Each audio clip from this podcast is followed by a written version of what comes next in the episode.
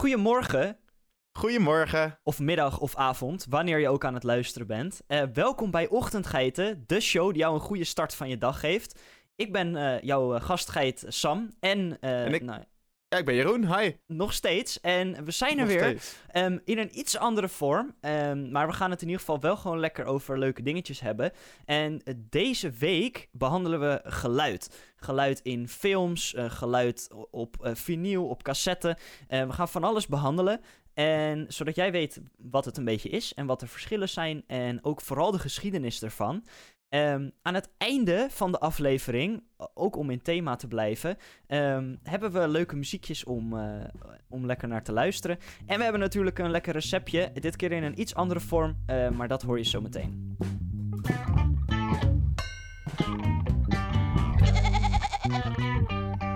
Schrijf je vlak met de V of met de F? F-L-A-C, AC. Ferdinand Leo Anton Cornelis. Oké, nou, daar wil je het dus over hebben volgens mij. Ja, maar eerst wil ik het eventjes zeggen dat we weer terug zijn. En dat we dat heel leuk vinden.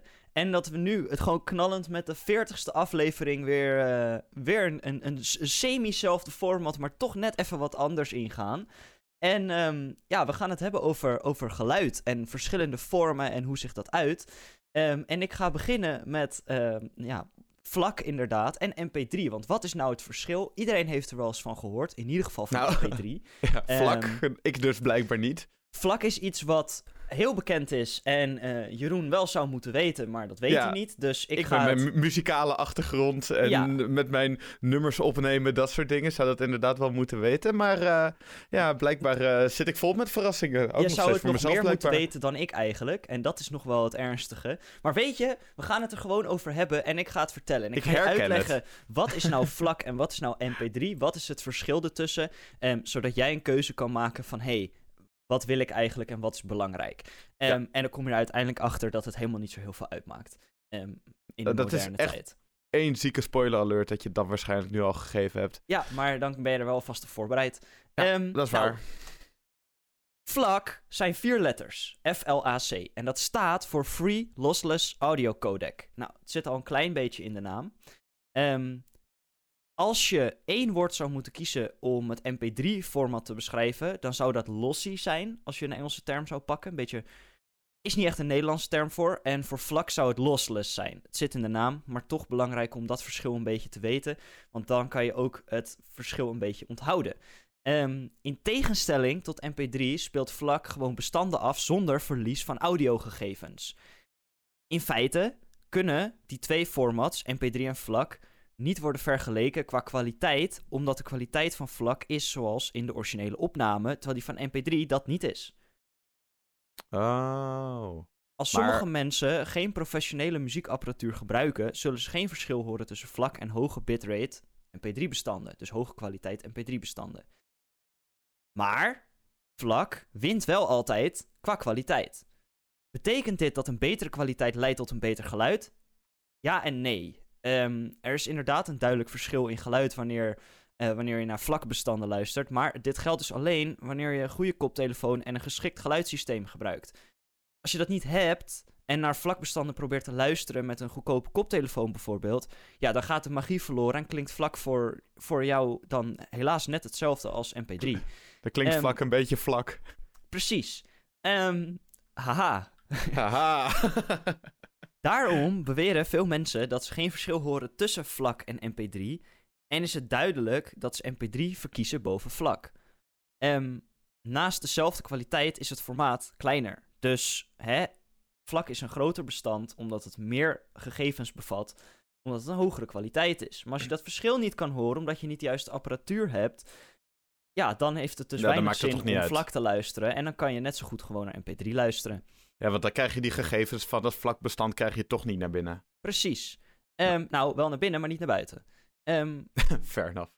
maar ja, je kan je daar dus wel echt heel erg in vergissen. Want zoals je ziet kan het heel moeilijk zijn om onderscheid te maken tussen deze twee formats. Als je geen goede koptelefoon en geluidsinstallatie gebruikt. Belangrijk om te weten.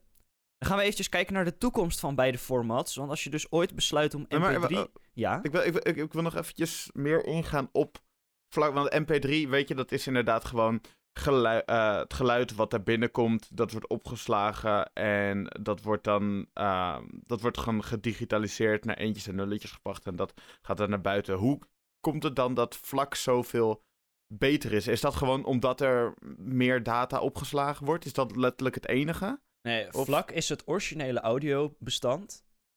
Um, en MP3 is een geconverteerd audiobestand.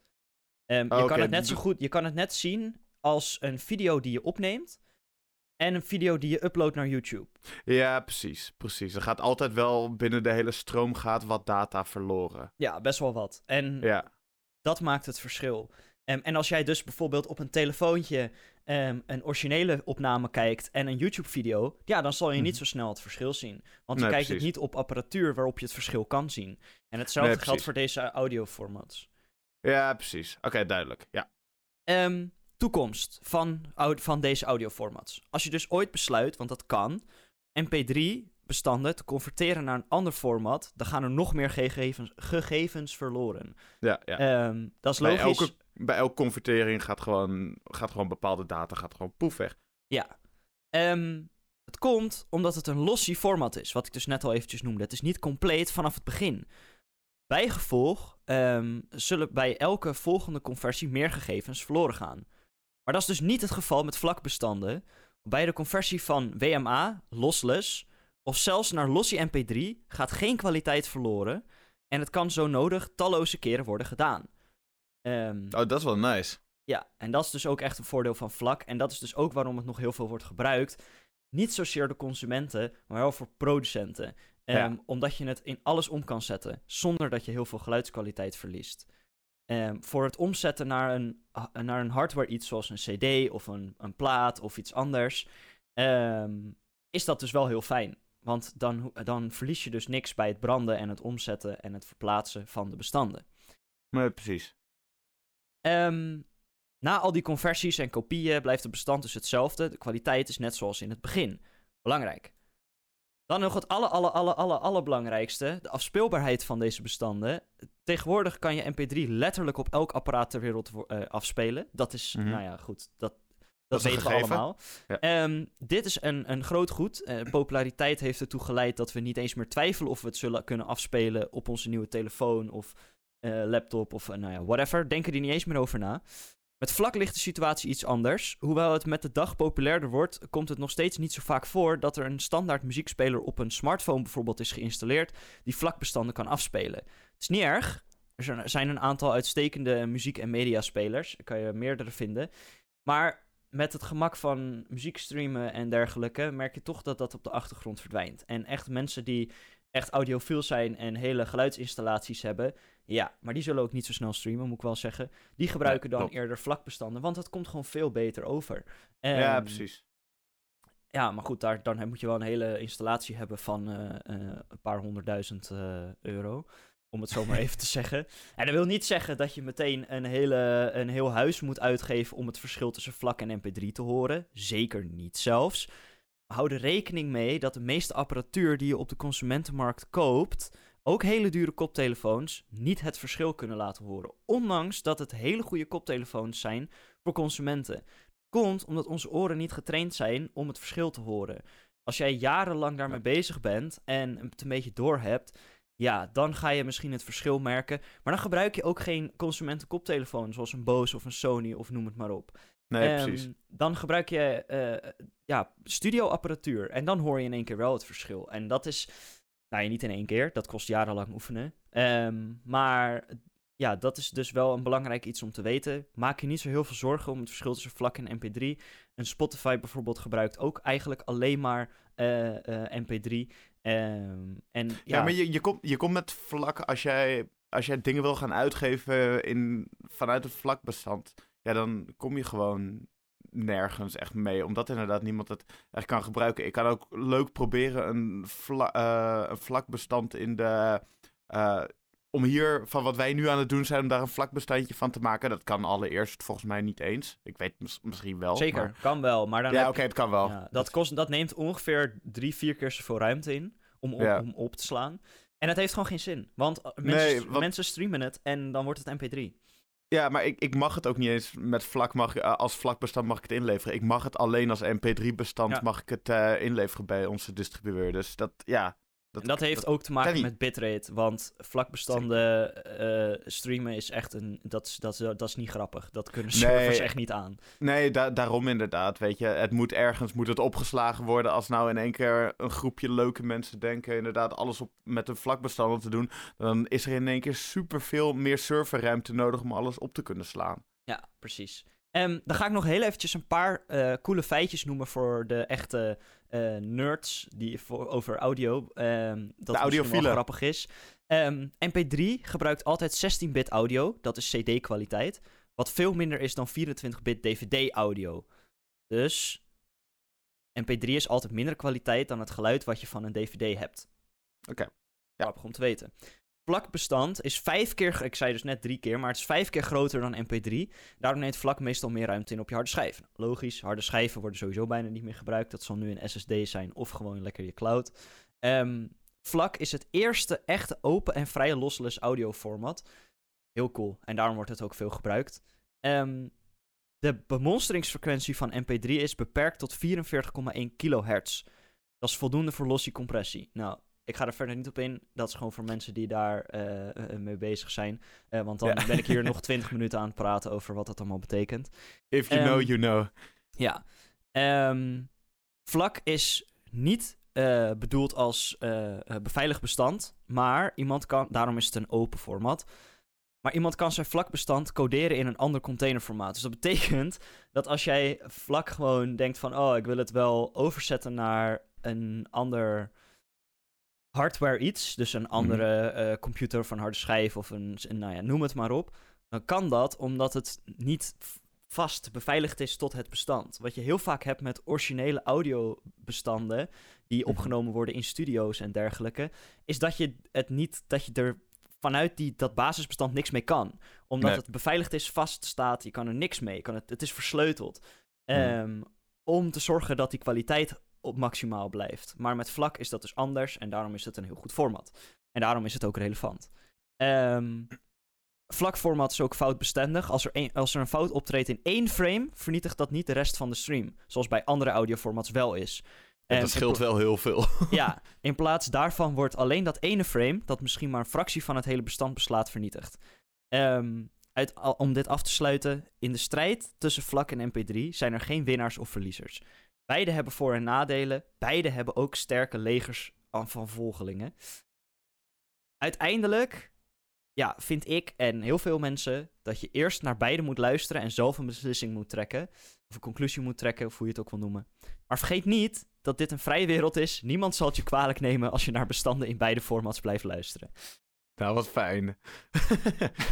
Toch wel een fijne afsluiter daarvan. Ja, Ja, maar ik vind inderdaad, het is vooral gewoon heel erg kijken naar de toepassing daarvan.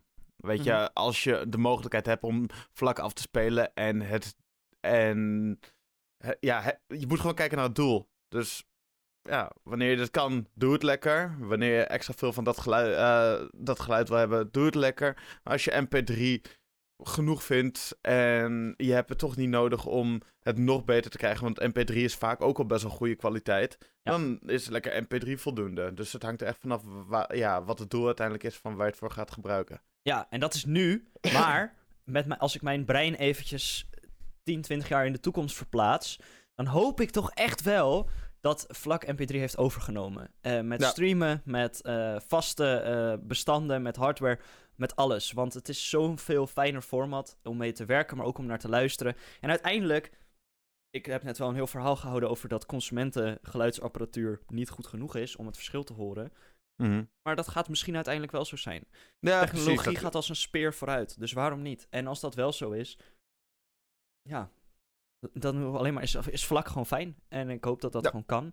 Dan heb je Ehm, gewoon nog, nog betere kwaliteit. Ik denk dat je wel, vooral met het streamen en zo van dingen, dat je wel nog steeds het probleem krijgt van dataopslag. Als in één keer ehm, Spotify een drie keer zo grote dataopslag moet hebben, omdat het in één keer maar allemaal vlakbestandjes gaan worden, dan is dat gewoon bijna niet te doen. Ja, maar er moeten gewoon heel veel schakels zijn die dan verbeterd worden. En daarom zeg ik over 10, 20 jaar. Ja, precies. Ehm, En dan, eh, dan is dat misschien mogelijk. Ik hoop Nee, het. zeker. Zeker, het zou wel tof zijn. Gewoon nog betere qualio.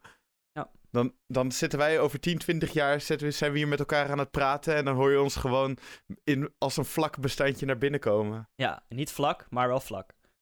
Ja, vlak, vlak, vlak.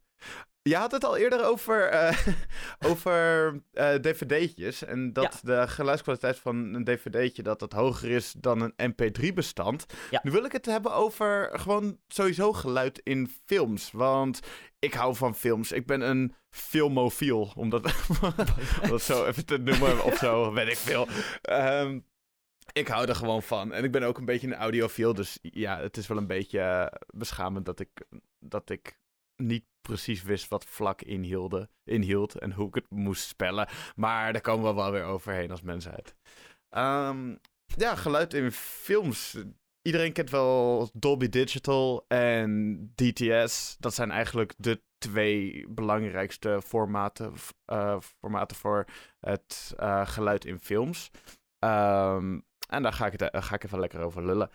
Eh, Dolby Digital is een formaat dat wordt gebruikt om ja, zo goed mogelijk al, ja, op zo goed mogelijk alle dvd's en HDTV-uitzendingen. Dit eh, formaat verwerkt de signalen digitaal op je 5.1 surround instelling. Waar die 5.1 voor staat, daar ga ik zo even verder op komen, want dat is eigenlijk wel grappig en dat wist ik niet precies waar dat voor stond. Ehm, DTS is een eh, formaat wat beschikbaar is op ongeveer 70% van alle Blu-ray discs en DVD's. Meestal naast Dolby eh, Digital. Dus ja, waar Dolby Digital toch wel echt alles bereikt is, heeft DTS net wat minder bereik. Eh, ook dit formaat verwerkt de signalen digitaal op je 5, eh, 5.1 surround opstelling, opstelling, niet opstelling, kan beide wel. Eh, beide formaten zijn beschikbaar op nagenoeg alle Blu-ray disc en DVD's die tegenwoordig verkrijgbaar zijn. En ook 99% van alle receivers kan gewoon met deze formaten omgaan. Mocht je toch een 6.1 of 7.1 home cinema system eh, hebben, of eh, ja, ben je er naar aan het kijken, dan kan je alsnog met eh, sommige films, vooral Blu-rays, hebben Dolby Digital Surround EX en DTS heeft ook zijn eigen DTS ES. Deze toevoegingen zorgen ervoor dat, eh, ja, dat het op meer dan vijf kana- eh, kanalen weer speel- afgespeeld kan worden, dat geluid. Ja, we moeten er wel rekening mee houden. En dit vertel ik eventjes als elektronica zogenaamd expert, wat ik zou moeten zijn. Ehm, vanwege mijn werk. Ehm, hou er rekening mee dat moderne apparatuur ehm, dat niet meer is. En het Nee. simuleert het wel, eh, maar het is het niet. Home cinema sets en hi-fi surround sound, al die, al die apparatuur kan dit daadwerkelijk, doet dit daadwerkelijk, heeft al die verschillende kanalen. Maar eh, de vervanging daarvan, de moderne vervanging daarvan, een soundbar, misschien twee speakers erbij. Het simuleert het, maar het reproduceert het niet. Ehm sommige wel, maar dat is misschien 1% van de hele markt. Dus hou daar rekening mee. Ja, je Ehm. geluid gaat daar gewoon verloren bij. Ja, maar het kan nog steeds heel mooi klinken. En dat komt door andere technieken. En zeker doordat, het, eh, doordat er allemaal digitale snufjes en, en foefjes achter zitten. om het wel heel goed te simuleren. Dat je bijna het verschil niet hoort. In ieder geval als consument. Ehm, maar ja, er zit wel echt verschil tussen. Dus ja, dat klopt. Het gaat via al die kanalen. Maar met moderne apparatuur is dat wel iets anders. Maar dan ben, Ja, ik, aan het, dan ben ik aan het mierenneuken hoor. Dus hè, dat is. Ja. die, maar die hebben inderdaad, van wat je zegt, die hebben een eigen manier om, te, om dat te simuleren. Ja. Ehm, ja, ik, eh, ik wil even dan, zoals ik altijd doe, meer de geschiedenis induiken. Wee! Ehm, want eigenlijk besto bestond het alle, eh, ontstond het zowel niet bij Dolby Digital als DTS, die digitale audioformaten die voor de eh, ja, die bij films en vaak ook bij games zitten. Eh, het is namelijk door een nou, twee andere bedrijven ontwikkeld. Namelijk in 1990 eh, was de eerste digitale audioformaat voor films ontwikkeld door Optical Radiation. En dan in samenwerking met Eastman Kodak. Uh, misschien komen deze namen je wel bekend voor. Ik ken Eastman Kodak wel, maar Optical Radiation niet. Wat wel jammer is, want zij worden nu wel echt gezien als de grondlegger van de hedendaagse digitale geluid. Maar deze twee bedrijven die hebben dus samen het uh, formaat CDS op de, markt, op, op de markt gebracht. En dat staat voor Cinema Digital Sound. En dat werd in 1990 bij de première van Dick Tracy voor het eerst in gebruik genomen. Maar daarna werd het eigenlijk helemaal niet gebruikt. Dus het was de eerste die CDS. Maar door toch wel wat problemen waarmee ja, die ze ondervonden terwijl ze het gingen gebruiken, was, was het ja, na die première van Dick Tracy helaas niet meer gebruikt. Maar ach, gelukkig zijn er nog wel andere dingen die kwamen. Namelijk, eh, CL Concept ontwikkelde in 1991 de eerste schijf met digitale audio en een compressietechniek voor gescheiden kanalen. Dus waar het digitale waar CDS volgens mij maar van één kanaal gebruik maakte. Maar ik weet het niet zeker. Uh, ja, was dit wel de eerste die van meerdere kanalen gebruik maakte. Waardoor je ook meer dat, uh, nog beter dat surround effect zou gaan krijgen. Uh, de filmsoundtrack werden op twee schijven geplaatst. En bood in totaal voor drie uur aan gescheiden multikanaals audio. Met de introductie van Dolby Digital kon men vijf gescheiden uh, kanalen met volledig dynamisch uh, bereik aansturen. Plus een aparte ultra, ultra kanaal. En dat was dus altijd. Weet je, ik wist van Dolby Digital en dan 5.1. Oké, dat is dus. Krijg je vanuit vijf verschillende kanten. Wordt het geluid dan aangestuurd. Maar ik wist nooit waar die 1 voor staat. Maar dat is dus dat ene uh, aparte ultra-laag account, uh, account. Ultra-laag kanaal wat er nog bij zit. De subwoofer. ja, de subwoofer inderdaad. Dat, dat, dat is de één. En dat is, nu ik er zo over nadenk, is dat super logisch. En dat is iets wat Sam als uh, vanuit zijn werk wel weet waarschijnlijk. Maar voor mij was het wel even een dingetje waarvan ik dacht van, oh ja, natuurlijk. Mijn vader ehm, is iemand die altijd al heel veel bezig is geweest met geluid. Dus ik wist het al toen ik jong was. Maar inderdaad, door mijn werk moet ik het zeker weten. Ehm, mhm. Maar ja, die punt 1 is een subwoofer. Het, het, is ook, het is ook zo enorm logisch. ja, maar goed, dat is met wel meer dingen natuurlijk. Ja, precies, dat is waar. Dat is zeker waar, inderdaad. Uh, Dolby Digital werd in 1992 geïntroduceerd bij de film Batman Returns. En ja, dat is uh, vanaf toen een beetje het nieuwe standaardgeluid in de filmwereld geworden. Batman Returns is trouwens echt. Ik, ik, ik heb tijdens het onderzoeken van dit heb ik nog even Batman Returns stukjes gekeken. En dit, dat is goud. Maar nu dwaal ik af naar Batman Returns. maar die film is mooi. Uh, als tegenhanger van Dolby Digital kwam daar Steven Spielberg, die in 1993 zijn DTS introduceerde. Eh, tijdens de première van Jurassic Park. Uh, eh, DTS gebruikte een lage compressie en bood daardoor een, groot, uh, een nog grotere dynamiek dan Dolby Digital. Meer frequenties. Ja, precies. En daardoor zorgde het ervoor dat je in Jurassic Park, dat de mensen die het in de bioscoop keken, dat die de dinosaurus niet alleen hoorden, maar dat ze het ook echt voelden. In 1993 mengde, uh, mengde ook Sony zich in de surround formaten en ontwikkelde Sony, Sony, Sony Dynamic Digital Sound. Dus dat is SDDS. En dit bood, in tegenstelling tot de concurrentie, al acht kanalen door gebruik te maken van de AO, uh, eh, links, links extra en rechts extra kanalen. Nou, Sam, weet jij wat dit inhoudt? Nee, zeker niet. Nou, ik ook niet. Dus dan gaan we lekker verder. Uh, Last, Action, uh, Last Action Hero was de eerste film in SDDS. Met de komst van digitaal geluid was een indrukwekkende stap gezet. Maar ja, het was nog lang niet bij wat het allemaal kan worden. De digitale mediakanaalsystemen werden al snel opgevolgd door nieuwe technieken.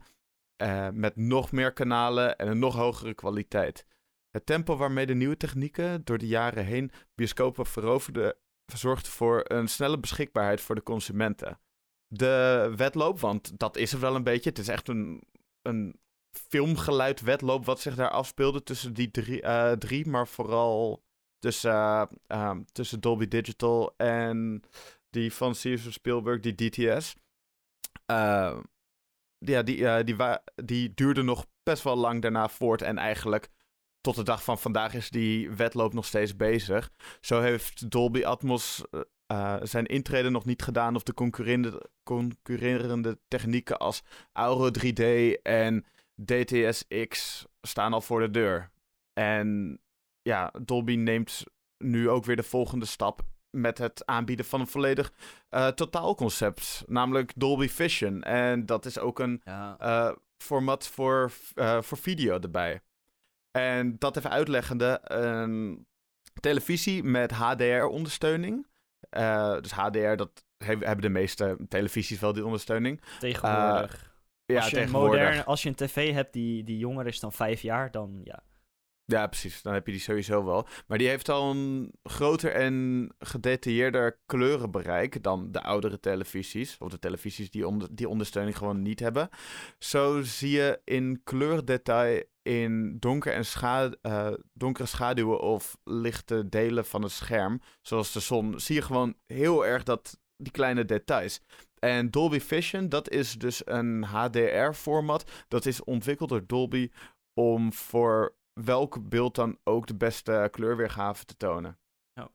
En dat is wel, vind ik wel heel vet. Maar ik vind het vooral wel leuk dat er dus voor jarenlang zo'n enorme wedloop heeft plaatsgevonden. Wat ook gewoon heel erg logisch is. En wat er dus nu voor heeft gezorgd dat jij, wanneer je naar de bioscoop gaat en dan al helemaal naar IMAX, want die hebben gewoon nog beter geluid dan de andere bioscoopzalen. Dat dat zo crispy is en je dat zo goed hoort van alle kanten. Dat je alles voelt. Gewoon omdat dat ja, het is echt wat we ook de ruimtewedloop, uh, als we ruimtewedloop hebben gehad, dat uh, Amerika of Rusland zo snel mogelijk uh, naar de maan toe wilde.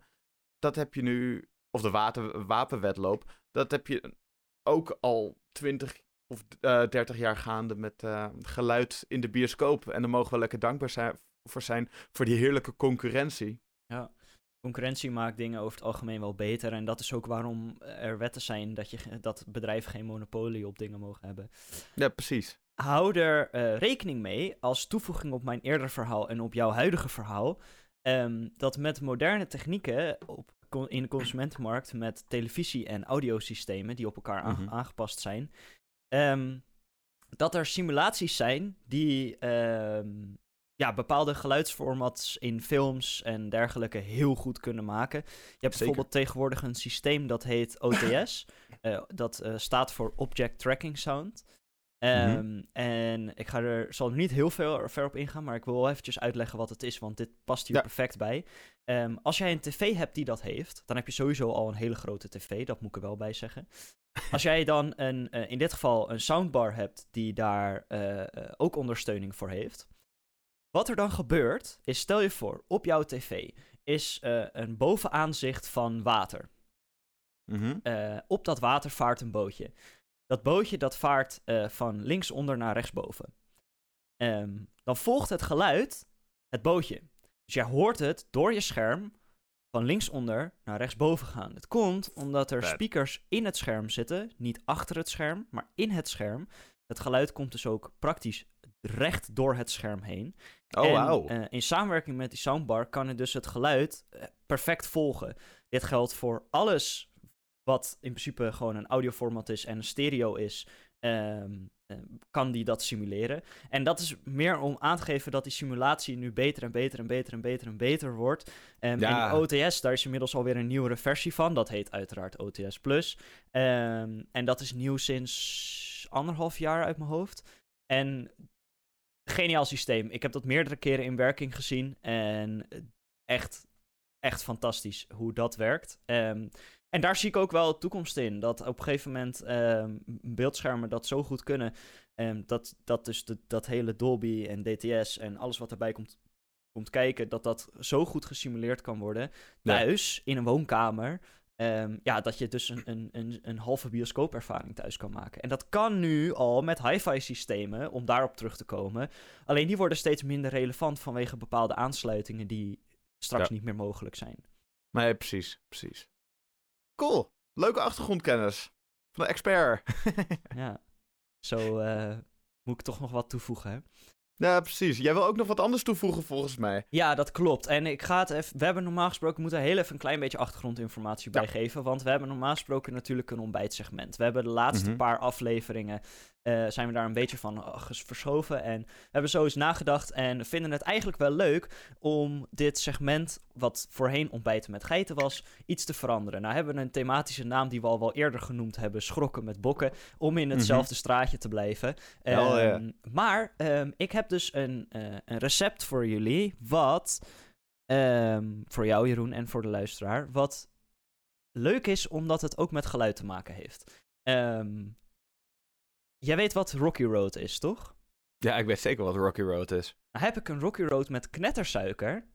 Oh. Zodat je niet alleen kan genieten van de smaak, maar ook van het geluid in je mond. Dat is echt niet oké.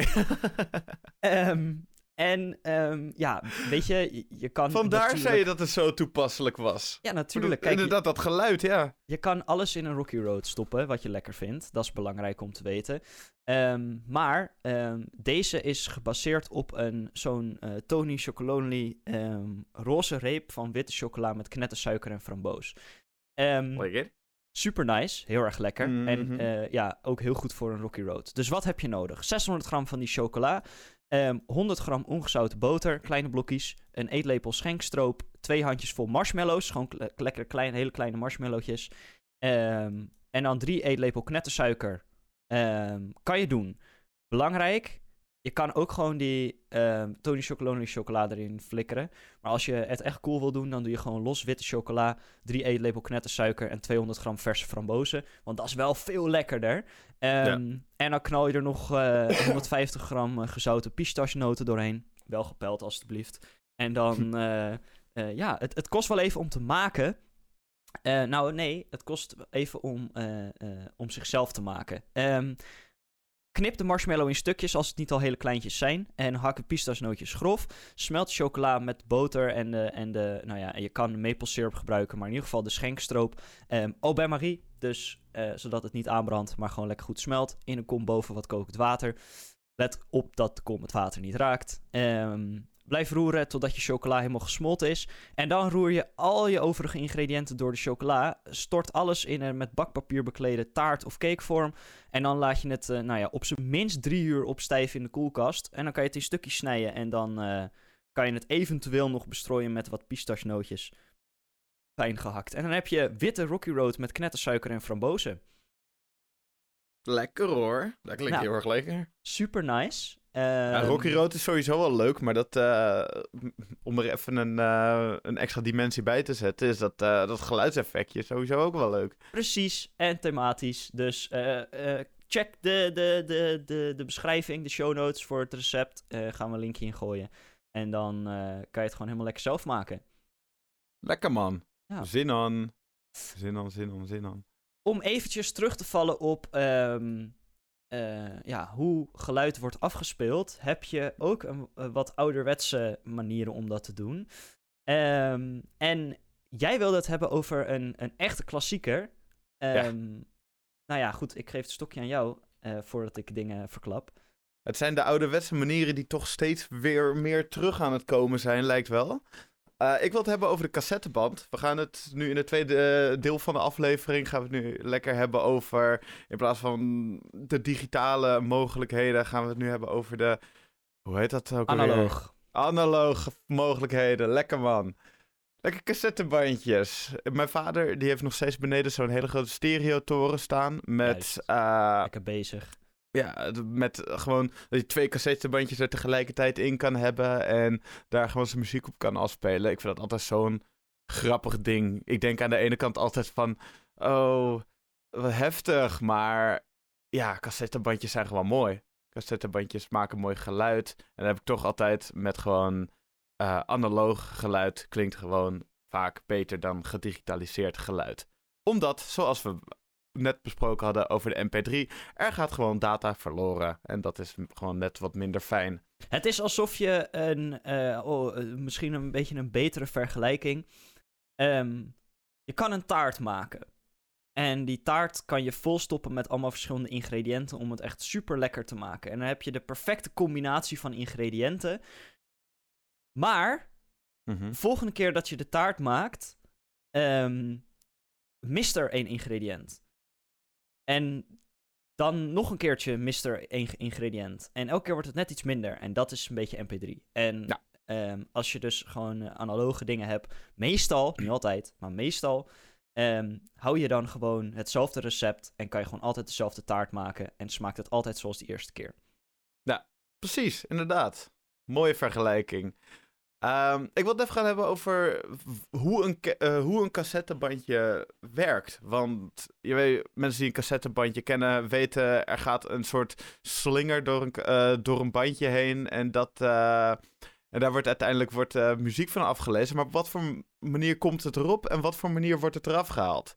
Nou, de, de geluiden, dus het kan muziek zijn, het kan spraak zijn... maar die op een cassettebandje worden opgenomen, bestaan uit trillingen. Net zoals geluiden zoals wij tegen elkaar praten, of zoals een vliegtuig die overkomt. Eigenlijk alle, gewoon alle geluiden. Geluidsgolven. Bestaan, bes- ja, bes- dat bestaan gewoon uit trillingen. En trillingen worden uitgedrukt in hertz.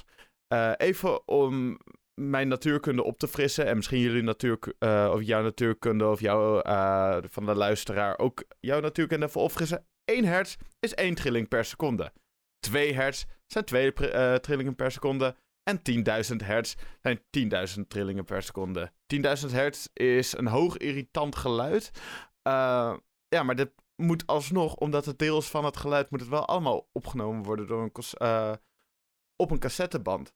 En om dat geluid dus te kunnen registreren, is er een machine nodig dat maximaal 20.000 eh, hertz op een band kan vastleggen. Deze machine is een cassettedek of ook wel een cassette recorder. En zo'n cassette eh, recorder werkt eigenlijk heel simpel. Bij een cassetteband zit er op de recorder een vaste kop. De kop schrijft met het opnemen de frequentie eh, van maximaal 20.000 hertz op de band. Dus eigenlijk is het gewoon. Wat dat dus betekent is dat de kop maximaal 20.000 keer per seconde kan trillen om dat geluid op de, eh, om ja, dat eigenlijk in die band te krijgen. En bij het afspelen gebeurt precies dit, maar dan omgekeerd. De kop leest de frequentie van de band af. Eh, de kop van de bandrecorder staat altijd stil op één plek en hij eh, beweegt verder niet. Hij is gewoon de hele dag een beetje aan het trillen. Niet de hele dag, wanneer je iets aan het opnemen bent. En ondertussen is eh, binnen dat cassettedek is de cassette met eh 4,75 centimeter per seconde langs aan het gaan. En op die manier wordt eigenlijk alles erop gezet. Het wordt echt, het wordt gewoon inge, ingetrild eigenlijk in die band. Oh. En daardoor kunnen ze dat bewaren, kunnen ze dat uitlezen. En ja, ik vind dat gewoon een hele leuke, makkelijke manier dat ik nu een beetje voor me kan zien wat er in die machine gebeurt en wat er in zo'n cassetteband, eh, cassetteband gebeurt. En hetzelfde gebeurt eigenlijk ook voor videobanden. Daar is gewoon aan de zijkant is een dunne strip. Eigenlijk net zo'n strip wat ook in de cassetteband zit. En daar wordt het dan ook opgetrild, of getikt, of geschreven. En zo heb je uiteindelijk dat er in een videoband ook geluid zit. Dus het was een eh, lekker kort opfrissertje. Nou, opfrissertje. Een lekker korte uitleg over eh, hoe een cassetteband werkt. Maar dat is dus eh, hoe die cassetteband werkt. Ja, nice. En ook best wel een, een belangrijk eh, format. En wat ik grappig vind, is dat Zeker. wat je eerder al eventjes noemde... ehm, dat de oude eh, eh, analoge manieren van, van geluid afspelen weer terugkomen.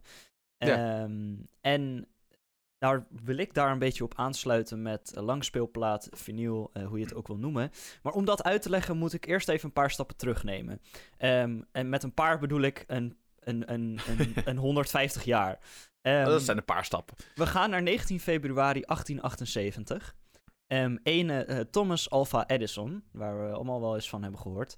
Ehm, ja, die heeft een patent toen geplaatst op de fonograaf. En dat was de eerste mogelijkheid om geluid op te nemen en weer af te spelen. Moet even beseffen dat dat echt gewoon fucking lang geleden is. Ja, Ehm, dat is bizar. De fonograaf van Edison is naar alle waarschijnlijkheid gebaseerd op een foonautograaf die in 1860, dus dat is 18 jaar eerder, door de Parijse uitvinder Edouard Léon Scott de Martinville werd gebouwd. Belangrijk om te weten dat een heleboel van de uitvinders die bekend zijn dingen hebben eh, overgenomen eh, van eerdere uitvinders, dus dat is in dit geval ook zo. maar Ehm, dat is toch net zoals... Dat, dat is, het is een uitvinding is net zoals kunst, weet je. Je, je, je bouwt iets en dat is een soort van gebaseerd op dingen die je al eerder gezien hebt... of dingen die je zelf ontdekt hebt van... eh, patronen die je zelf ontdekt hebt van dingen om je heen... of ja, technieken die al eerder eh, bedacht zijn. Klopt, maar er worden ook patenten eh, geplaatst op dingen die eigenlijk helemaal niet uitgevonden zijn door die persoon. Kijk naar bijvoorbeeld dat- de telefoon. Daar ga ik Ja. verder niet op in, maar ehm, dat eh, mag je lekker zelf Voor- uitzoeken. Volgens mij hebben we dat al een keertje in een aflevering ook besproken... maar ik weet niet Ja. zeker meer. Ehm, Vast wel. bij de fonograaf, eh, w- hoe werkt zo'n ding? Dat is wel even belangrijk. Dus bij de fonograaf worden via een membraan en een stalen naald de geluidstrillingen vastgelegd. Net als bij een cassetteband worden ze vastgelegd. Zodat de scherpe punt van de naald een groef van wisselende diepte trekt in een metaallaag die om een ronddraaiende cilinder is aangebracht. Ehm, dat is de fonograaf. Ehm, na de opname wordt de naald naar het begin van die cilinder gebracht en in het geluidsspoor gezet. Door vervolgens de cilinder weer rond te draaien, werd het opgenomen geluid via een horen afgespeeld. De eerste fonografische opname die Edison zelf maakte, was van het Engelse kinderliedje Mary Had a Little Lamb. En deze opname wil ik even laten horen, dus die hoor je nu. The uh, first I spoke in the original phonograph. A little piece of practical poetry. Mary had a little lamb, its fleece was white as snow, and everywhere that Mary went, the lamb was sure to go. Belangrijk is dat de eerste eh, geluidsdrager die Edison gebruikte van een materiaal is gemaakt wat heel kwetsbaar was. Ehm, namelijk eh staniolfolie. Daarom eh, ging, ging men over op het gebruik van een wasrol. Ehm, in 1890 verkreeg eh, Charles Tainter patent op de grafofoon. Een verbeterde versie eh, geluidsdrager door het toepassen van Car als vervanger van het mengsel van paraffine en bijenwas. Dus er is heel veel geëxperimenteerd, kijken wat het beste het geluid kon, eh, kon dragen. Ehm, en vanaf 1890 verschenen dus ook de eerste commerciële fonografen. Er was een klein aantal muziektitels te koop. Eh, afhankelijk ging het meer om een curiositeit dan om het volwaardig geluidsdrager. Ehm, elke rol moest apart ingespeeld worden, eh, klonk Oh. heel zacht en was na vijf keer draaien versleten. Verschrikkelijk. Ja, ehm, maar hey, het was een nieuwe uitvinding, dus eh, er werd heel veel mee geëxperimenteerd. En dat is de reden waarom het uiteindelijk dus wel veel beter ging. In het begin van de 20e eeuw ging men sterkere wassoorten gebruiken. Het gevolg was meer geluidsvolume en een langere levensduur van de cilinder. Ook werd er eh, iets ontwikkeld om, om van een origineel een negatief te maken, zodat het ook massaal geproduceerd kon worden. En wat, wat houdt een negatief dan in? Ehm, nou ja, een, een soort eh, mal, zodat je ehm, het, Ja. het geluidsfragment heel makkelijk kan reproduceren en niet Ja, elke precies, keer opnieuw op, op hoeft te nemen. Ja, dat is inderdaad wat je zegt, een mal, dat is dan wel goeie. Inderdaad, gewoon dat het inderdaad heel makkelijk erin geploept kan worden en eruit geploept kan worden. Ja, zoiets. Oké, dat is echt heel erg onduidelijk wat ik zeg. Nou ja, ik snap het, de luisteraar ook. De speelduur ging van 2 naar 4 minuten, eh, wat nog steeds heel kort is. Maar inmiddels maakte ook de platte plaat van Emil Berliner, de 78 toerenplaat, zijn opmars. Deze werd in zijn uiteindelijke vorm vervaardigd van schellak. Eh schellak wil ik wel eventjes eh, benoemen. Dat is een materiaal wat uit afscheiding van bepaalde luizen komt. Ehm, dat kende heel veel toepassingen en nog steeds eh, heel veel toepassingen die ervoor worden ge- gebruikt. Is Ehm, dat die zooi die, eh, die op een roze koek ligt? Nee, dat zijn andere luizen. Ehm dat zou niet best zijn als dit op een roze koek ligt. Maar laten we het niet over nee. roze koek hebben, want Oké. er liggen wel meer dingen op. Ja, Ehm, het werd onder meer gebruikt eh, voor het vervaardigen van lakzegels als afdichtingsmiddel in houtbewerking en voedingsnijverigheid. dus hè, weet dat. Ehm, vooral lak en, en houtbewerking en dergelijke. Dus best wel hard materiaal. Ehm, dat was eenvoudig te vermenigvuldigen en vormde een serieuze concurrentie met de, eh, de, de, de, nou ja, de, de, de cilinder voor de fonograaf. Edison hield wel vast aan de cilinder en vanaf 18, of 1912 begon hij met de productie van een celluloid roll, de zogenaamde Blue Amber roll. De Amber worden afgespeeld met een diamantnaald en kunnen honderden keren zonder noemenswaardige slijtage gespeeld worden. Voor het afspelen worden opwindbare eikenhouten kasten gebruikt die het geluid zonder elektrische versterking doorgeven. Deze afspeelkasten zijn van 1914 tot 1928 in ongewijzigde vorm in productie gebleven en meer dan een half miljoen zijn er geproduceerd. Dat is de fonograaf en de geschiedenis daarvan. Dan gaan we eventjes naar de platenspeler, ook wel de grammofoon genoemd. Ehm, en die werd dus gebruikt om grammofoonplaten af te spelen. Is de, de, de, de opvolger van de fonograaf. En Um, ja, er zit van alles in. Tegenwoordig zit er ele elektromotor in om het allemaal elektronisch aan te sturen en dergelijke. Um, maar dat was niet altijd zo. Um, en ja, dit is ook weer uh, nou ja, goed. Ik heb hier nog wel om even terug te komen op Eduard Leon, die ik eerder al noemde, die rond 1860 de eerste versie van zo'n fonograaf maakte. Um, in 1857 maakte hij de eerste geluidsopname. Um, afspelen kon hij niet en na reconstructie van de opname kon ze pas in 2008 worden beluisterd. Dus dat Wow. heeft wel eventjes geduurd. Ja. Ehm, nou ja, goed. Toen kwam het hele verhaal van, eh, van Edison. Ehm, en en eh, Emiel Berliner dus, die eh, het eerste concept van de platte plaat eh, maakte. De 78 toeren plaat. Werd steeds populairder. ehm, en ja, de, uiteindelijk heeft dat heel veel dingen overgenomen. Ehm, er zijn heel veel verschillende vormen gekomen van de plaat. Ehm, de plaat die is in allemaal verschillende materialen, groottes, naalddiktes, eh, eh, groefdiktes, van alles is er gebeurd. Ehm, maar uiteindelijk komen we uit op de plaat die we vandaag de dag kennen en dat, die is van vinyl gemaakt. Ehm, er zijn eh, verschillen in en ik ga eventjes het een en ander opnoemen om het, zo overzichtig mogelijk te maken, want ehm, er zijn heel veel verschillende soorten platen geweest. En dus de oudste, die hebben een diameter van 30 centimeter, 25 centimeter of 20 centimeter.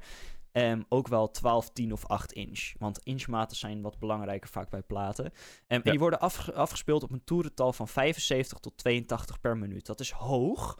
Ehm, en daar kom ik straks op terug. Ehm, dit werd gestandaardiseerd eh, op 78 toeren. Wat wel fijn is, want anders moet je de hele tijd toerental aanpassen om het goed te laten klinken. En als je niet kan aanpassen, dan heb je of een te snel of een te langzaam eh, eh, audiofragment. En dat is niet helemaal fijn. Ehm, En, en ook hoger en lager. ja, precies. Door gebruik van betere materialen en elektronische versterking kon in de jaren 40 de groef worden versmalt, waardoor meer muziek op één plaatkant mogelijk werd. Afhankelijk werd op een 12-inch plaatkant maximaal 5 minuten muziek geperst ehm, en rond 1950 werden eh, 8 minuten op één kant mogelijk. De 78 toerenplaat bleef tot het einde van de jaren 50 in productie en in sommige landen, met name in Afrika en India, tot diep in de jaren 60. De verbeterde techniek maakte experimenten met een lagere draaisnelheid mogelijk. In de VS experimenteerde Columbia Records met een toerental van 33 en een derde, terwijl RCA Victor 45 toerenplaten ontwikkelde. De nieuwe platen hebben een smallere groef en moeten dan ook met een kleinere naald worden afgespeeld. Deze groef heet de microgroef. Logischerwijs. Veel grammofoons bezaten dan ook twee naalden, gemerkt met een M van microgroef en met een N van normale groef. Een microgroefplaat wordt eh, eh, vernield met een N-naald en een M-naald slijt onnodig hard eh, bij gebruik op een normale plaat. Dus, niet doen. Als je nog een Nee. oude grammofoon ergens vandaan kan halen. Ehm, de langspeelplaat, ook wel LP of album tegen die tijd, eh, werd officieel geïntroduceerd in 1948 in de VS en werd gemaakt van vinyl. Vanaf het begin waren er twee formaten in de handel, 30 en 25 centimeter, ook wel weer de standaard 12 en 10 inch. Door de lagere snelheid en kleinere groefafstand kon er op een langspeelplaat veel meer muziek worden geplaatst. De 12-inch platen konden maximaal een half uur muziek per kant weergeven. Ehm, en de 10-inch platen maximaal 20 minuten. Nou, dat is een gigantische verbetering ten opzichte van de 8 minuten van, eh, van daarvoor. Ehm, Zeker. Toen kwamen, eh, nou ja, RCA eh, Victor kwam dus met een 45 toerenplaat van 7 inch. En die werden bekend als singles. Zo Singles, worden ze ja. vandaag de dag nog steeds genoemd. Ze waren oorspronkelijk bedoeld voor het gebruiken met een platenwisselaar. ehm, en ze hebben een groter gat in het midden, zodat er ruimte is voor een wisselmechaniek. Deze platen werden oorspronkelijk geleverd met een uitneembaar inzetstukje, zodat ze ook afgespeeld konden worden op een plaatspeler met een kleine as. Grappig, want ehm, ja, dat was dus echt niet zo gestandardiseerd als vandaag de dag. Ehm, later kon een, eh, een, een vorige eh, worden uitgebroken voor het gebruik met een platenwisselaar. In de beginperiode werd het format ook gebruikt voor langere muziekstukken, die dan, net als bij voorheen, bij de 78 toerenplaten het geval was, over meer plaatszijden verdeeld werden. Ehm, dus ja, er werd heel veel mee veranderd en verschoven en losgeklikt en vastgeklikt. En ehm, ja, het was echt niet zomaar van eh, je knalt hem erin en hij doet het. En dat was ja, dat is zeker niet Nee. zo. Zeker niet, nee. Er waren een aantal varianten van de single. Ehm, nou ja, dus de 12-inch single op 45 toeren, de 10-inch op 78 en de 7-inch ook op 45. Ehm, maar wat belangrijk is om te weten is dat de 7-inch op 45 toeren dus met een microgroef was. Dus die was veel kleiner, ehm, met, terwijl die hetzelfde eh nou ja, audioformat had. En je had dus ook veel minder ruimte nodig om ze op te slaan en om ze te bewaren. Ehm, en dat is een eh, geen overbodige luxe. Ehm, als iemand eh, die platen heeft, is het wel, neemt het redelijk wat ruimte in. En dat is het waard, 100%. Ehm, alleen ja, toen de tijd was een single gewoon even groot als een eh, plaat zoals wij vandaag de dag kennen. Mhm. Ehm, En dat is best flink. Dus dan had je maar één liedje. En ja, dat, of maximaal twee als er aan de andere kant nog eentje gedrukt was. Ehm, En dat is niet veel als je nu Dat kijkt naar dat je gewoon een, nee. een volledig uur, anderhalf kwijt kan op een, eh, op een plaat. Dan eh, is er van alles nog veranderd qua geluidsformats. De stereofonie is een belangrijk iets. Een vernieuwing die tijdens de ontwikkeling van de plaat in 1958 werd doorgevoerd. Ja, het kon in één keer in stereo. En niet alle frequenties trouwens kunnen in stereo eh, nog steeds tot vandaag de dag geplaatst worden op een LP. In ieder geval hogere frequenties die worden mono opgenomen. eh, omdat het anders niet in de groef past. Maar Oh, is gewoon eh, dan is het gewoon letterlijk omdat het dan gewoon te klein is. Ja. Ehm, maar ehm, de groef waarin de naald loopt, werd niet alleen horizontaal, maar ook verticaal gemodelleerd. De naald beweegt vanaf dat moment eh, dus niet alleen heen en weer, maar ook Oh. op en neer. Ehm, omdat horizontale modulatie beter werkt en men geen van de stereokanalen wilde bevoordelen, eh, werd voor een mix gekozen. Zowel linker als rechterkanaal moduleerden horizontaal en verticaal, maar onder een hoek van 90 graden ten opzichte van elkaar. Dat is misschien een beetje lastig te begrijpen hoe dat eruit ziet. Ehm, maar als je erop inzoomt met een elektronenmicroscoop, microscoop, zie je gewoon een heleboel heen en weer gaande eh, eh, hoekjes en randjes. eh, in plaats Ja. van een naald die in een praktisch rechte lijn gaat. Ehm, ja, er er zit heel veel wiskunde achter. ehm, maar eh, dit zorgde er wel voor dat een stereoplaat ook op monoapparatuur afgespeeld kon worden. En dat is wel belangrijk. Dat je dus niet de nieuwste apparatuur nodig had om het af te spelen. Dat zou de ondergang zijn geweest hiervan. ehm, Want nieuwe, ja, nieuwe spullen zijn heel goed en heel fijn. En echt eh, toekomstbestendig. Alleen kunnen vaak nog niet 100% toegepast worden op moderne dingen. Dus dat was een, eh, een goede optie om Goeie dat te doen. van ze, ja. Eind jaren 60 eh, kwam een vierkanaalsversie, quadrafonie genoemd, op de markt. Er werd gedacht aan twee groeven en twee naalden, maar de daarvoor vereiste nauwkeurigheid in de afstand tussen de naalden bleek niet haalbaar te zijn. In plaats daarvan werden twee kanalen op een draaggolf gemodelleerd. Hiervoor was een speciale plaatspeler nodig. Eh, bands als Pink Floyd zijn experimenteel bezig geweest met het uitbrengen van quadrafonische LP's. Echter, de hoge kosten van apparatuur en het feit dat het grootste deel van de consumenten geen meerwaarde zag in het extra paar boxen, maakte dat de quadrofonie-tijdperk slechts tot begin jaren 80 geduurd heeft. De DVD bracht een herleving met surround sound. Maar goed, dat is digitaal en dat is alweer een heel ander verhaal. Zeker. Ehm, nou ja, dat was eigenlijk een beetje de, de plaat ehm, en hoe het werkt. Ehm, vandaag de dag is de, de vinylplaat echt wel weer, nou ja, sinds 2016 wil ik zeggen, 2015, 2016 in populariteit gaan stijgen Ja. ehm, ten opzichte van de CD's. Ehm, En ja, dat heeft ervoor gezorgd dat heel veel moderne artiesten ehm, ja, hun muziek weer op vinyl uitbrengen. Daar ben ik heel blij mee, voor iemand die ermee is opgegroeid. En, ja, ik ook. Ja, Voor precies dezelfde reden. ja, precies. En Ja. ja, dat, is, dat is gewoon leuk, weet je. Je kan eh, een plaatje pakken en draaien. En ehm, ja, het is toch een heel ander eh, gevoel dan gewoon even een, digitaal een liedje opzetten. Hoe makkelijk dat ook is.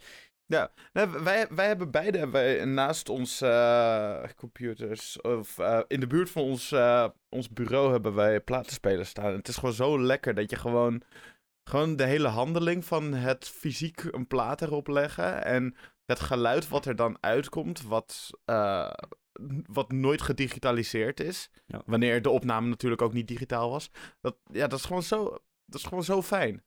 Zeker. het is Ehm, gewoon zo'n leuke handeling en het klinkt ook nog leuk. Plus, daarnaast, de reden dat het ook in de afgelopen jaren weer populairder is geworden, is deels vanwege de, eh, het uiterlijk ervan. Een Ja. CD is best wel een saai format als je kijkt naar hoe het eruit ziet. Een plaat heeft een fantastisch mooie hoes. Ehm, er zit vaak eh, nog boekjes bij, allemaal informatie. En vinyl kan natuurlijk ook allemaal verschillende kleurtjes zijn. Dus dan heb je allemaal verschillende speciale edities en noem het maar op. Kortom, een artiest kan veel meer in kunstvorm, visueel, met een plaat dan met een CD. En het is ook een klein kunst, eh, kunstobject eigenlijk. Ja, ja, mee eens. Ehm, ja, dat was eigenlijk mijn verhaal over vinyl. En om eh, ehm, even richting Tessa, jij nog wat wil benoemen, eh, Jeroen. Ehm, nee, ik zou, ik zou niet zo snel eh, weten wat. Dan eh, eh, schuif ik eventjes door naar een, nieuw iets wat wij willen doen, wat we al één keer eerder hebben gedaan. Ehm, er was een aflevering een flinke tijd geleden waarin we het over muziek hebben gehad. Muziekinstrumenten, muziek in het algemeen. En daarbij hebben wij allebei een nummer aangeraden aan elkaar, maar ook aan jou als luisteraar. En ehm, wij zaten zo eens te denken van, joh, wij doen heel veel met muziek, wij vinden muziek heel erg leuk. En aangezien ehm Ochtendgeiten een representatie van ons brein is, ehm, is het ook wel eh, leuk om daar wat meer mee te doen. Dus wat wij gaan doen is ehm, eh, wa- wat aanraders geven qua muziek. Dat, eh, dat je elke aflevering, misschien thematisch, misschien niet, ehm, maar gewoon een lekker, lekker geluidsfragmentje hebt wat je aan kan zetten en waar je eh, van kan genieten. En hopelijk wordt dan je, je, ja, je, je muziekkennis wat breder. En ehm, ja, het zou ook leuk zijn om dat natuurlijk uit te wisselen en om van de, jou als luisteraar het een en ander te horen. Maar dat kan via onze Ja. social media kanalen. Zeker. Ehm, belangrijk is in ieder geval dat je ervan geniet. En daar doen we het voor. Zeker, we, Ehm, gaan toch een beetje, we houden toch ook een beetje berekening met de mensen die in plaats van een uur, een uur en een kwartier in het openbaar vervoer moeten zitten of zo. Dan kunnen ze hierna nog gewoon even lekker eh, twee nummertjes opzoeken. Precies. Ehm, nou, ehm, wil ik in verband met mijn verhaal eh, eventjes beginnen met het lied wat ik wil eh, Dat mag jij, hoor. En er zit een korte anekdote aan vast, want ik was Oh. namelijk gisteren op mijn werk en daar was ik wat vervroegd klaar. En ik liep over de winkelstraat bij mij in het, in het stadje en ik dacht, hey, ik ben eigenlijk al een tijd niet meer in deze winkel geweest. Ik ga eventjes kijken. En het is een winkel die spullen verkoopt voor games, voor hardware, software. Maar ook sinds een aantal jaar vinyl, platen. Dus ik ging daar eventjes naar binnen, een beetje struinen. En dat is altijd een gevaar voor mij, want ik eh, ga nooit met lege handen naar huis. Ik ken dat. Ehm, ik was een beetje om me heen aan het kijken en ik zag het een en ander en heb ja, drie platen uiteindelijk meegenomen. Maar ehm, de leukste eh, vind ik, eh, aanwinst die ik daar eh, een- uit heb gehaald, is een eh, originele soundtrack eh, op vinyl. En deze is namelijk van de originele Blade Runner film. Eh, soundtrack eh, gemaakt door Vangelis. En daar komt ook meteen mijn, mijn lied vandaan. Blade Runner Blues van Vangelis. Fantastisch ehm, ja, een lied zou je het kunnen noemen, maar eerder atmosferische. eh, ehm, ja, hoe zeg je dat? Ehm, ja, het is echt soundtrack en het is, het is een fantastisch stuk. Het is heel mooi. Je moet het echt even geconcentreerd luisteren, eh, want dan, dan zweef je echt weg. Ehm, en die heb ik dus op vinyl gekocht, dus vandaar ook eh, als aansluiting bij mijn eh, uitleg over de langspeelplaat. Ehm, ik kan hem lekker op vlak luisteren, want de meeste moderne platen zijn op vlak gedrukt, dus dat is heel fijn. Ehm, maar ik kan hem ook gewoon lekker op, eh, op Spotify luisteren. En ehm, ja, dat is ook meteen aansluitend bij het volgende punt. Ehm, knal naar onze eh, eh, Spotify en dan vind je een playlist. de beginselen van een playlist. Met liedjes die wij aan, jullie, aan, aan, aan jou als luisteraar gaan aanraden. En daar kan je ze altijd terugvinden. En ze staan op volgorde van toegevoegd. Dus je kan per week bekijken. En daar staat deze in. En het lied wat jij met, met ons wil delen. Yes. Ik heb namelijk, eh, waar het van jou meer een soundtrack is, heb ik ook een nummer wat ik heb gekozen, omdat het ook iets te maken heeft met het verhaaltje wat ik voor jou vinyl ging gooien. Namelijk met cassette. Want cassette, daar zit eh cassette tape in, in zo'n cassettebandje. En dit is een nummer dat ik ga zeggen. Dat is, opge, eh, dat is opgenomen op tape. Eh, maar het is wel een relatief nieuw, eh, nieuw nummer van een band die de meeste rockers wel kennen. Namelijk van Foo Fighters. En dat is Dear Rosemary. En dat nummertje, dat vind ik een fucking goed drummer. Ook als drum, eh, het nummer, ook als drummer zijnde, is het gewoon echt... De eerste fill is gewoon geweldig. Uh, gaan we lekker luisteren. Maar dit hele album waar het vandaan komt, eh, Wasting Lights van Foo Fighters, dat is opgenomen op tape. En dat is gewoon met knippen en plakken is uiteindelijk het album eruit gekomen. En dit is, een, dit is mijn favoriete nummer van dat album. En het klinkt gewoon zo goed. Als je het op een goede, goede manier kan afspelen, klinkt het ook super zuiver. En ja, bedenk daar maar bij dat mensen dus met knippen en plakken, en dan is letterlijk knippen en plakken met tape, dat uiteindelijk gemaakt hebben wanneer je het gaat luisteren. Ja, eh, mijn, eh, mijn vader en mijn eh, stiefvader hebben dit ook gedaan vroeger. Knippen en plakken cool. met bandjes en dan zelf wat mixen. Ehm, ja, dat is eh, bizar iets. eh, wat dat Ja, dat betreft. is eh, Dat is hoe je dat vroeger moest doen, inderdaad. Je kon niet zomaar op een programmaatje op je computer knippen en plakken doen. Je moest letterlijk knippen en plakken. en daar komt de naam ook vandaan. Precies. Dat vind ik mooi. Nou, hiermee eh, sluiten wij af. Geniet ervan. Ja, el- elke week komen er dus twee nieuwe nummers bij ons op onze Spotify-lijst bij. En zoek het maar gewoon even, even lekker op. Zou ik zeggen. Ja, en, eh, we, sturen, we zetten natuurlijk ook een linkje in de show notes, zodat je hem lekker kan vinden.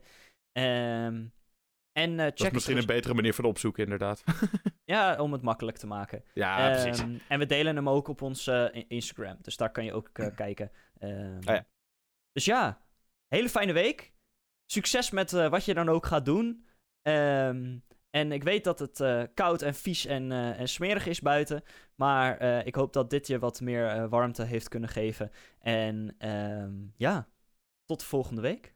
Yes. Tot volgende week. En we gaan er een heel mooi 2023 van maken. Met Ja. mooie nieuwe afleveringen. Eens. Joe. Houdoe.